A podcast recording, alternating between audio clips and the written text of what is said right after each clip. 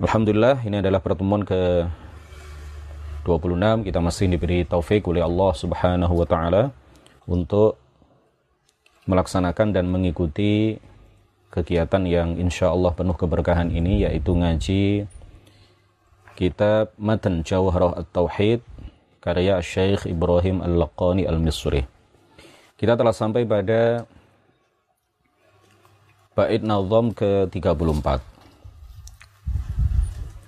قال المؤلف رحمه الله تعالى ونفعنا به وبعلومه وأمدنا بأمداده وأفاض علينا من بركاته. آمين. ووحدة أوجب لها ومثل ذي إرادة والعلم لكن عم ذي.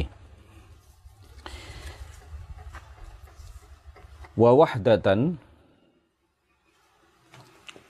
dan satu dan esa aujib wajibkanlah laha. Terhadap sifat al-qudrah. Wa mithlu dhi wa mithlu di wa mithlu dhi dan seperti sifat kudrah ini iradatun sifat iradah.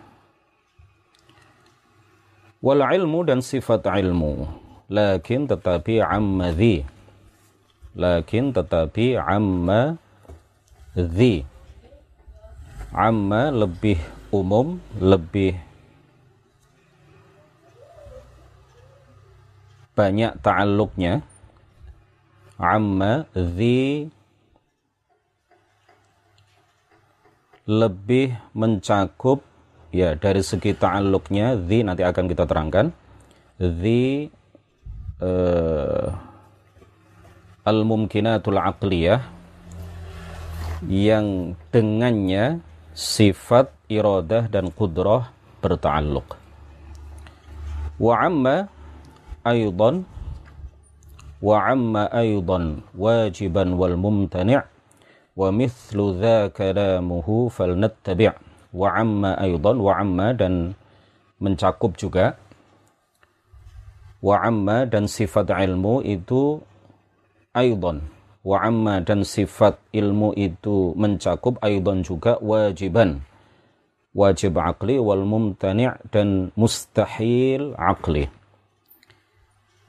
Wa mithlu dha wa mithlu dha dan seperti sifat ilmu Allah subhanahu wa ta'ala kalamuhu sifat kalamnya. Falnattabi' maka hendaklah kita mengikuti madhab ahli sunnati wal jamaah di dalam keyakinan, dalam ucapan, dan juga dalam perbuatan. Hadirin sekalian, dua bait nazam ini, bait nazam ke-34 dan bait nazam ke-35 menjelaskan kepada kita mengenai ta'alluqnya atau muta'allaqnya atau kaitannya sifat qudrah, sifat iradah sifat ilmu dan sifat kalam. Pada pertemuan sebelumnya kita sudah menjelaskan mengenai ta'alluqnya sifat kudrah. Mengenai muta'allaknya sifat kudrah. Sifat kudrah itu hanya ta'alluq, hanya berkaitan, hanya berhubungan dengan al-mumkinatul aqliyah. Dengan al-jaizat al-aqliyah. Dengan hal-hal yang secara akal mungkin ada dan mungkin tiada, mungkin terjadi dan mungkin tidak terjadi, yaitu makhluk. Tidak berkaitan dengan al-wajib al-aqli, ya, tidak ta'aluk dengan al-wajib al-aqli, dan juga sifat kudrah itu tidak ta'aluk, tidak berkaitan, tidak berhubungan, tidak ada hubungannya sama sekali dengan uh, al-mustahil atau al-mumtani' ya, al-mustahil al-aqli atau al-mumtani' Pada bait nazam ke-34 ini, pengarang kitab ini menyatakan wa wahdatan aujib laha wa mithlu dhi iradatun wal ilmu lakin amma dhi. Wa wahdatan aujib laha, yakni di antara yang pasti secara akal bagi Allah Subhanahu wa taala, di antara yang wajib bagi Allah, wajib di sini artinya adalah wajib akli di antara yang pasti secara akal bagi Allah Subhanahu wa taala bahwa sifat kudrohnya yang azaliyah, sifat maha kuasanya Allah yang tidak bermula, itu wahidatun. Satu, esa. La tata'addadu bita'addudil makturat. Ya, tidak berbilang dengan berbilangnya perwujudan dari sifat maha kuasa Allah subhanahu wa ta'ala. Ya, perwujudan dari sifat kudrah Allah adalah seluruh makhluk. Ya, seluruh makhluk. Makhluk kita tidak bisa menghitung jumlahnya berapa. Ya, saking banyaknya. Artinya, walaupun perwujudan dari sifat kudroh itu berbilang, ya sangat banyak jumlahnya, tetapi sifat kudroh Allah yang azaliyah, yang tidak bermula, yang tidak memiliki permulaan, itu wahidatun, satu, esa, tidak berbilang. Nah, ini yang telah disepakati oleh umat Islam. Jadi, fa'azaliyatul qudrati la taqtadi azaliyatul maqdur. Keazalian sifat kudrah itu tidak menis meniscayakan keazalian makhluk. Ya, dengan sifat kudrah Allah Subhanahu wa taala mewujudkan atau mengadakan segenap makhluk dari tiada menjadi menjadi ada.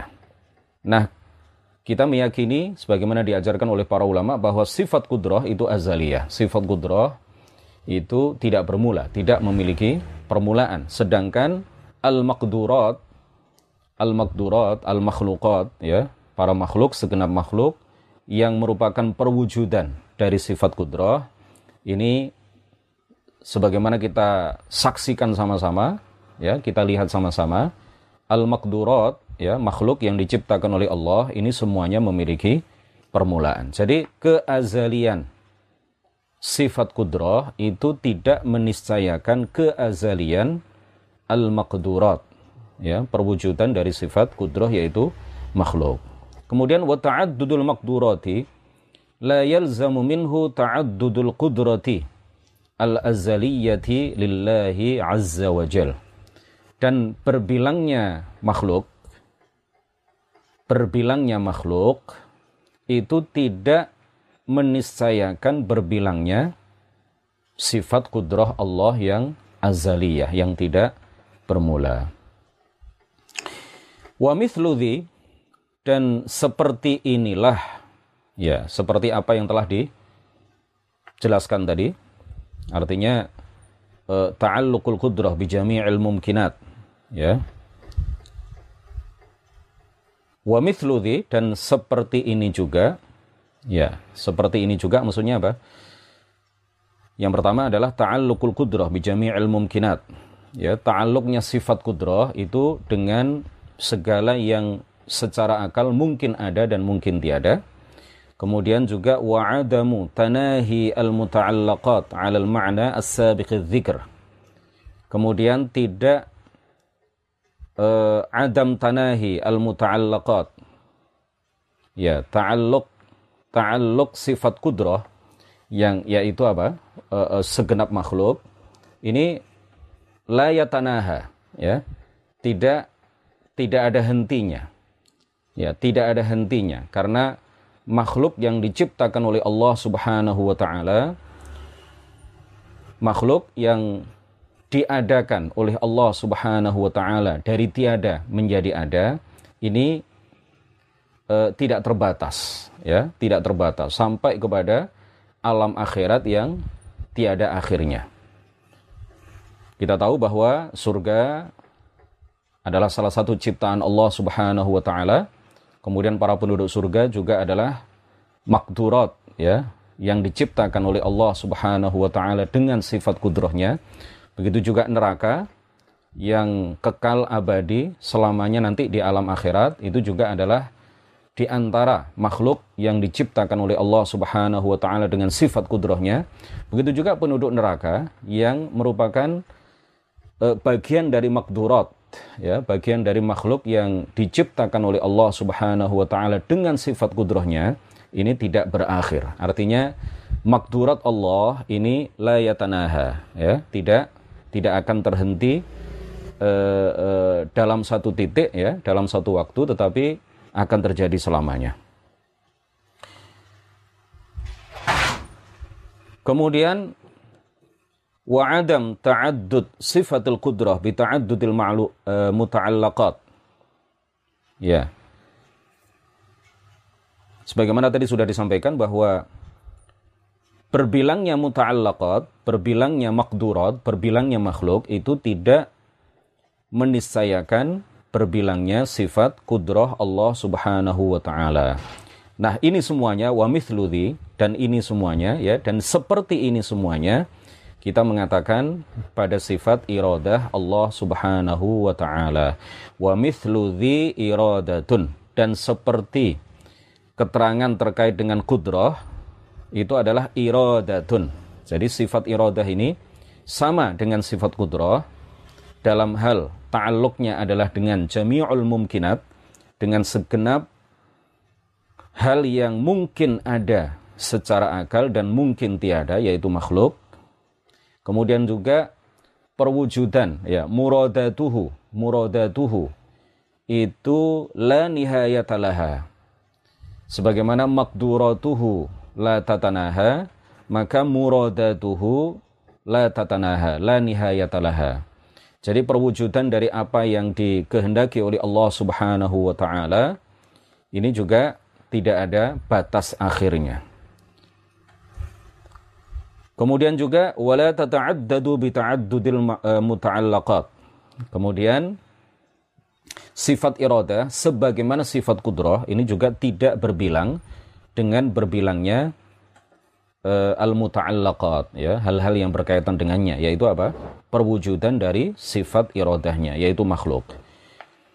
Nah, hanya saja ya dalam hal-hal yang kami sebutkan tadi itu sama antara sifat kudrah dengan sifat iradah. Sama-sama ta'alluqnya dengan al-mumkinat, kemudian sama-sama e, tidak berbilang, ya satu tidak berbilang, e, perwujudan dari apa yang dia kehendaki itu sama dengan perwujudan dari apa yang diciptakan oleh Allah dengan sifat kudrohnya, tidak ada batas akhirnya, la nihayatalaha, ya, kekal, tidak ada batas akhirnya illa anna ta'alluqa al-qudrati bil mumkinati ta'alluqu ijadin wa i'damin. Wa ta'alluq al-iradati biha ta'alluqu takhsisin. Ya ini perbedaannya antara sifat kudrah dengan sifat iradah. Ta'alluq kudrah ya ta'alluq sifat kudrah itu dengan atau kaitan sifat kudrah dengan al-mumkinat atau dengan al-jaizat dengan hal-hal yang secara akal mungkin ada dan mungkin tiada itu ta'alluqu ijadin wa i'damin. Kaitannya adalah dengan apa? Ijad wa i'dam. Ya, mengadakan dan meniadakan. Jadi fungsi sifat kudrah fungsi sifat kudrah itu adalah apa? Mengadakan dan meniadakan. Sedangkan sifat iradah itu ta'alluqnya dengan makhluk, ya ta'alluqnya dengan al, uh, muta'allaqatnya atau muradatuhu muradatnya ya iradah dengan apa namanya kaitannya dengan perwujudan dari apa yang dia kehendaki itu ta'alluqnya adalah ta'alluqu takhsisin. Ya ta'alluqu takhsisin. Kaitannya adalah apa? Mentakhsis kalau kudrah itu ijad wa i'dam mengadakan dan meniadakan sedangkan uh, iradah itu adalah apa? Taksis, mengkhususkan. Ya, apa? Mengkhususkan. Jadi uh, uh, banjir atau tidak, ya Allah menciptakan banjir atau tidak menciptakan banjir, Allah mengadakan banjir atau tidak mengadakan banjir, itu itu kaitannya dengan sifat kudroh, ya kaitannya dengan sifat kudroh. Tetapi banjir ini sifatnya seperti apa? Apakah banjir eh, sekian menit ya di waktu tertentu ataukah banjirnya ini sifatnya tiga hari tiga malam? Banjirnya ini di mana? Banjirnya ini sifatnya seperti apa? Banjirnya ini kapan terjadinya? Nah ini eh, eh, kaitannya dengan apa? Sifat iradah Allah Subhanahu wa taala yang disebut eh, di dalam beberapa syarah itu sebagai ta'alluqu takhsis ya ta'alluq takhsis ya mengkhususkan e, memberikan sifat-sifat tertentu pada banjir itu. Nah, ini kaitannya dengan sifat iradah. Kemudian sebagaimana wajib diyakini bahwa kudrah Allah itu sempurna. Allah Subhanahu wa taala tidak dilemahkan oleh sesuatu apa pun, tidak bisa dikalahkan oleh sesuatu apa pun. Begitu juga wajib diyakini bahwa Iradah Allah subhanahu wa ta'ala itu nafidhatun fi jami'i muradatihi. Sifat iradah Allah subhanahu wa ta'ala itu pasti berlaku pada semua apa yang dia kehendaki. Artinya semua apa yang dia kehendaki itu pasti terjadi. Jadi tidak mungkin Allah subhanahu wa ta'ala menghendaki terjadinya sesuatu, tetapi kemudian sesuatu itu tidak tidak terjadi atau Allah Subhanahu wa taala tidak menghendaki terjadinya sesuatu tetapi kemudian sesuatu itu terjadi. Karena apa? Karena sesuatu yang terjadi pada kekuasaannya apa yang tidak dia kehendaki ya jadi seandainya Allah Subhanahu wa taala terjadi dalam kekuasaannya sesuatu yang tidak dikehendakinya itu artinya Allah Subhanahu wa taala wal billahi taala itu sahi ya. Lali lalai. E, lupa ya. Pelupa. Au maghlub ya. Au maghluban kana sahian au maghluban berarti dia adalah apa? Pelupa atau atau kalah ya. Lupa dan kalah ini kedua-duanya adalah kelemahan. Dan kelemahan itu mustahil bagi Allah Subhanahu wa taala. Nah, kemudian yang penting lagi untuk kita ketahui bahwa sifat iradah Allah Subhanahu wa taala itu tabi'atun lil ilmi, la lil amr. Ini penting untuk kita sampaikan. Dulu pernah kita sampaikan ya, tetapi ini mumpung bahas masalah muta'allaq atau ta'alluq sifat kudrah dan iradah, maka ini penting sekali untuk dipertegas kembali bahwa sifat iradah Allah Subhanahu wa taala itu tabi'atun lil ilmi. Mengikuti sifat ilmu. Mengikuti sifat ilmu tidak mengikuti perintah ya tidak mengikuti perintah. Ya artinya apa? Artinya bahwa segala apa yang diketahui oleh Allah Subhanahu wa taala terjadi sesuatu yang diketahui oleh Allah Subhanahu wa taala akan terjadi maka itu artinya Allah menghendaki terjadinya. Dan sebaliknya, segala apa yang diketahui oleh Allah Subhanahu wa taala tidak akan terjadi, maka itu artinya Allah Subhanahu wa taala tidak menghendaki hal itu terjadi. Jadi apa pun yang diketahui oleh Allah terjadi, pasti dikehendaki terjadi. Apa pun yang tidak diketahui, apa pun yang diketahui oleh Allah tidak akan terjadi, maka itu artinya Allah tidak menghendaki hal itu terjadi. Nah, sifat iroda itu tidak ya laisat tabi'atan lil amr. Laisat tabi'atan lil amr. Sifat iroda ini tidak mengikuti amr, ya, tidak mengikuti perintah. Ya, artinya apa? Ada hal-hal yang dikehendaki oleh Allah Subhanahu wa taala tetapi tidak diperintahkan. Ya, apa yang dikehendaki oleh Allah itu belum tentu di, diperintahkan dan juga sebaliknya.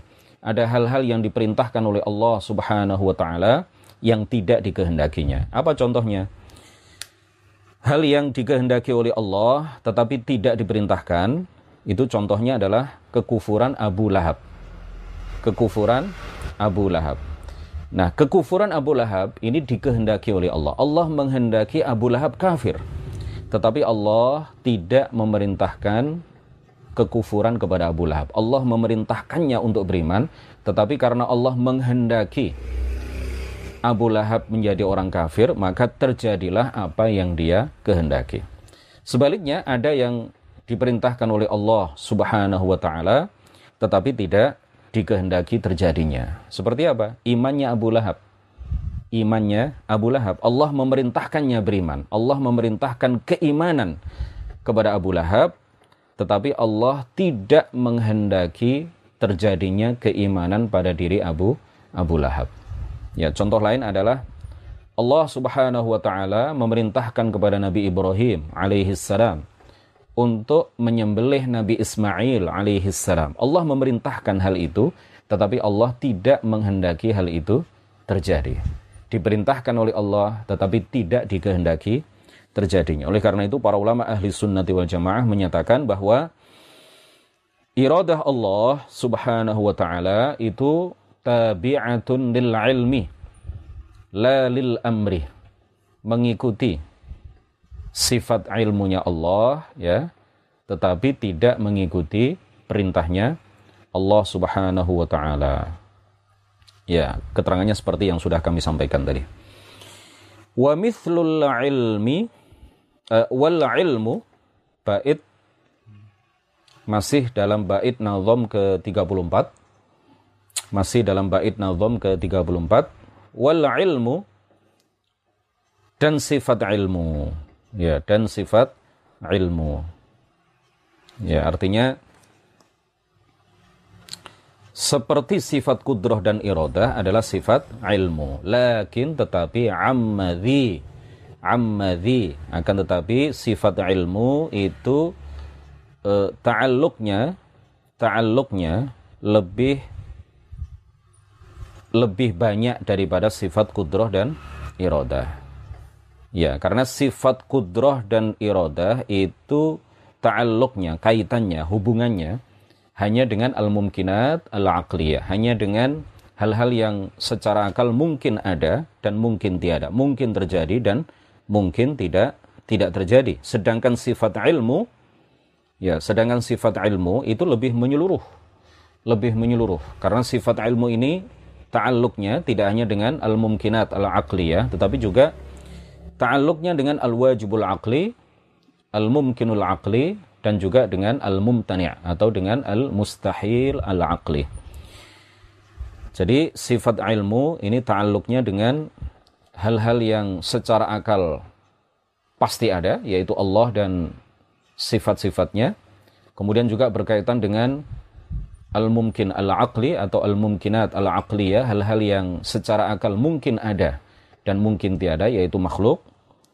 Dan juga berkaitan dengan al-mumtani' atau al-mustahil al-aqli, yaitu berkaitan dengan sifat ilmu Allah itu juga ta'alluqnya dengan apa hal-hal yang secara akal tidak mungkin terjadi atau tidak mungkin ada seperti uh, kawujudis syarik uh, ma'allah ya seperti adanya sekutu bagi Allah seperti matinya Allah seperti samanya Allah dengan makhluk itu semuanya adalah mustahil mustahil akli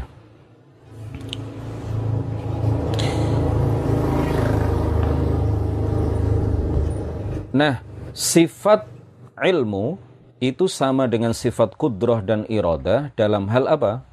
Ya, kita baca tadi, kita ulangi apa yang disampaikan oleh pengarang kitab.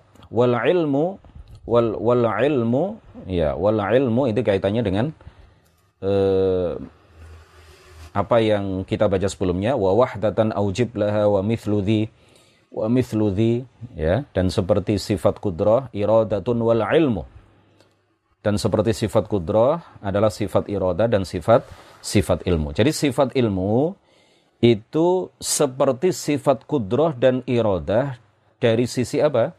Dari sisi bahwa ia adalah sifat Allah yang tidak berbilang. Ya, sifat ilmu ini adalah sifat Allah yang tidak berbilang. Ya, ia satu, esa, tidak berbilang dengan berbilangnya muta'allaqat. Ya apa yang diketahui oleh Allah Subhanahu wa taala itu tidak tidak terbatas. Ya artinya berbilang. Ya tidak hanya satu tetapi berbilang. Ta'addud. Ya muta'addid. Nah meskipun muta'allaqat apa yang diketahui oleh Allah Subhanahu wa taala itu ta'addud ya berbilang banyak tidak terhitung jumlahnya.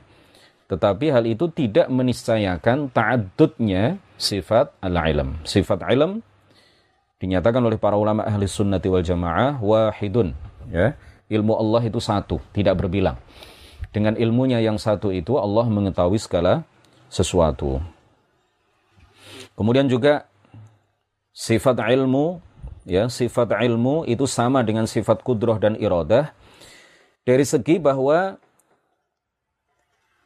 apa yang diketahui oleh Allah Subhanahu wa taala itu la yantahi. Ya tidak tidak ada batas akhirnya. Artinya wala nihayata limuta'allaqatihi. Bima'na anna ilmahu la yantahi ila haddin la yakunullahu fihi aliman bahwa ilmu Allah Subhanahu wa taala itu tidak berhenti pada satu batas di mana Allah Subhanahu wa taala kemudian pada batas itu tidak bersifat dengan sifat alim. Ya, tidak seperti itu. Nah, begitu juga sebagian dari muta'allaqat ala ilm, sebagian dari yang diketahui oleh Allah Subhanahu wa taala itu la bidayata wa la nihayata laha.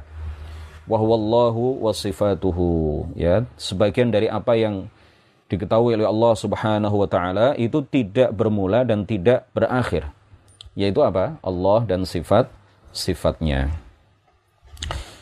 Lakin pengarang kita mengatakan lakin ammadhi ya tetapi dari segi bagian-bagian dari muta'allaqat ala ilm maka sifat ilmu itu ammadhi ya ta'alluqnya sifat ilmu itu ammadhi ya lebih apa lebih umum lebih uh, menyeluruh lebih umum dibandingkan dengan sifat dibandingkan dengan ta'alluqnya sifat kudroh dan sifat iradah. Kenapa? Karena sifat ilmu itu sebagaimana di Lanjutan bait nazam ke-35. Wa amma aidan wajiban aqliyan. Wa amma dan mencakup atau menyeluruh sifat ilmu itu aidan begitu juga ya wajiban wajib akli yaitu Allah dan uh, zat Allah dan sifat-sifatnya artinya Allah maha mengetahui zatnya dan maha mengetahui sifat sifatnya wa amma al-mumtani' ya wa amma aidan wajiban wal mumtani' dan begitu juga sifat ilmu ini ta'alluqnya dengan al-mumtani' ya dengan al-mustahil al-aqli. Jadi dari segi ini dari segi yang terakhir ini sifat ilmu ini a'ammu wa ashmalu ta'alluqan minal masyiati wal qudrah. Lebih umum dan lebih mencakup ya lebih umum dan lebih menyeluruh, lebih luas cakupannya, cakupan ta'alluqnya dibandingkan dengan apa? Sifat al-qudrah dan al-iradah. Karena Allah Subhanahu wa taala mengetahui zatnya yang azali, mengetahui sifat-sifatnya yang azaliyah, yang tidak bermula. Kemudian juga mengetahui seluruh makhluknya. Ya, makhluk ini adalah bagian dari al-jaizat al-aqliyah Kemudian juga Allah Subhanahu wa taala mengetahui al-mustahilat al-aqliyah, mengetahui uh, bahwa tiada sekutu baginya, mengetahui bahwa ia tidak mati, mengetahui bahwa ia tidak uh, uh, tidak sama dengan segenap makhluknya. Wa mithlu dha wa mithlu dha kalamuhu dan seperti sifat ilmu ini adalah kalamuhu sifat kalam Allah Subhanahu wa taala yang azali yang abadi yang tidak bermula dan tidak berakhir. Jadi sifat kalam itu sebagaimana sifat ilmu Allah Subhanahu wa taala adalah wahidun la yata'addad. Ya wahidun la yata'addad. Satu tidak berbilang. Wa muta'allaqatuhu la nihayata laha. Dan muta'allaqat dari sifat kalam itulah nihayatalaha, tidak ada batas akhirnya. Jadi sifat kalam itu ta'alluqnya dengan al-wajib, al-jaiz, al-mumtani, al-aqli. Eh, sama dengan sifat apa? Sifat ilmu Allah Subhanahu wa taala. Cuma ta'alluq sifat bedanya ya, ilmu uh, antara ilmu dengan kalam. Kalau sifat ilmu itu ta'alluqnya adalah ta'alluq inkishaf ya Artinya Allah maha mengetahui segala sesuatu. Sedangkan sifat kalam itu ta'alluqnya adalah ta'alluq tilalah atau ta'alluq dalalah. Ya. Jadi sifat kalam itu itu ada yang menunjukkan ya dalalah ada yang menunjukkan al wajibul aqli ada yang menunjukkan al jaizul aqli dan ada yang menunjukkan uh, al mustahil al aqli ya sifat kalam Allah Subhanahu wa taala yang menunjukkan al wajibul aqli itu contohnya adalah apa misalkan ya uh, qul huwallahu ahad katakan wahai Muhammad bahwa Allah Maha Maha Esa.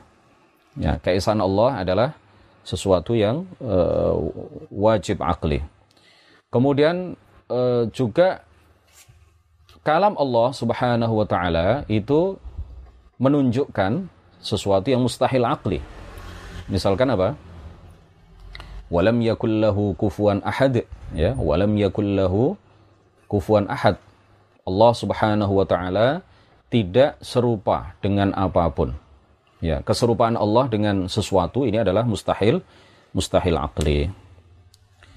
Kemudian juga berkaitan dengan al-jaizul akli atau menunjukkan kalamnya juga ada yang menunjukkan al-jaiz al-akli seperti uh, kalam Allah Subhanahu wa taala wa anzalna minas samaa'i ma'an tahura misalkan ya dan lain-lain. Falnattabi' qala al-muallif rahimahullah falnattabi' ay falnattabi' madhhab ahli al-haqqi fil 'aqdi wal qawli wal 'amali maka hendaklah kita mengikuti madhab golongan yang benar yaitu golongan ahli sunnati wal jamaah baik dalam keyakinan dalam ucapan maupun dalam perbuatan demikian kajian singkat pada malam hari yang berbahagia ini mudah-mudahan bermanfaat dan membawa barokah bagi kita semuanya. Subhanakallahumma wa bihamdik.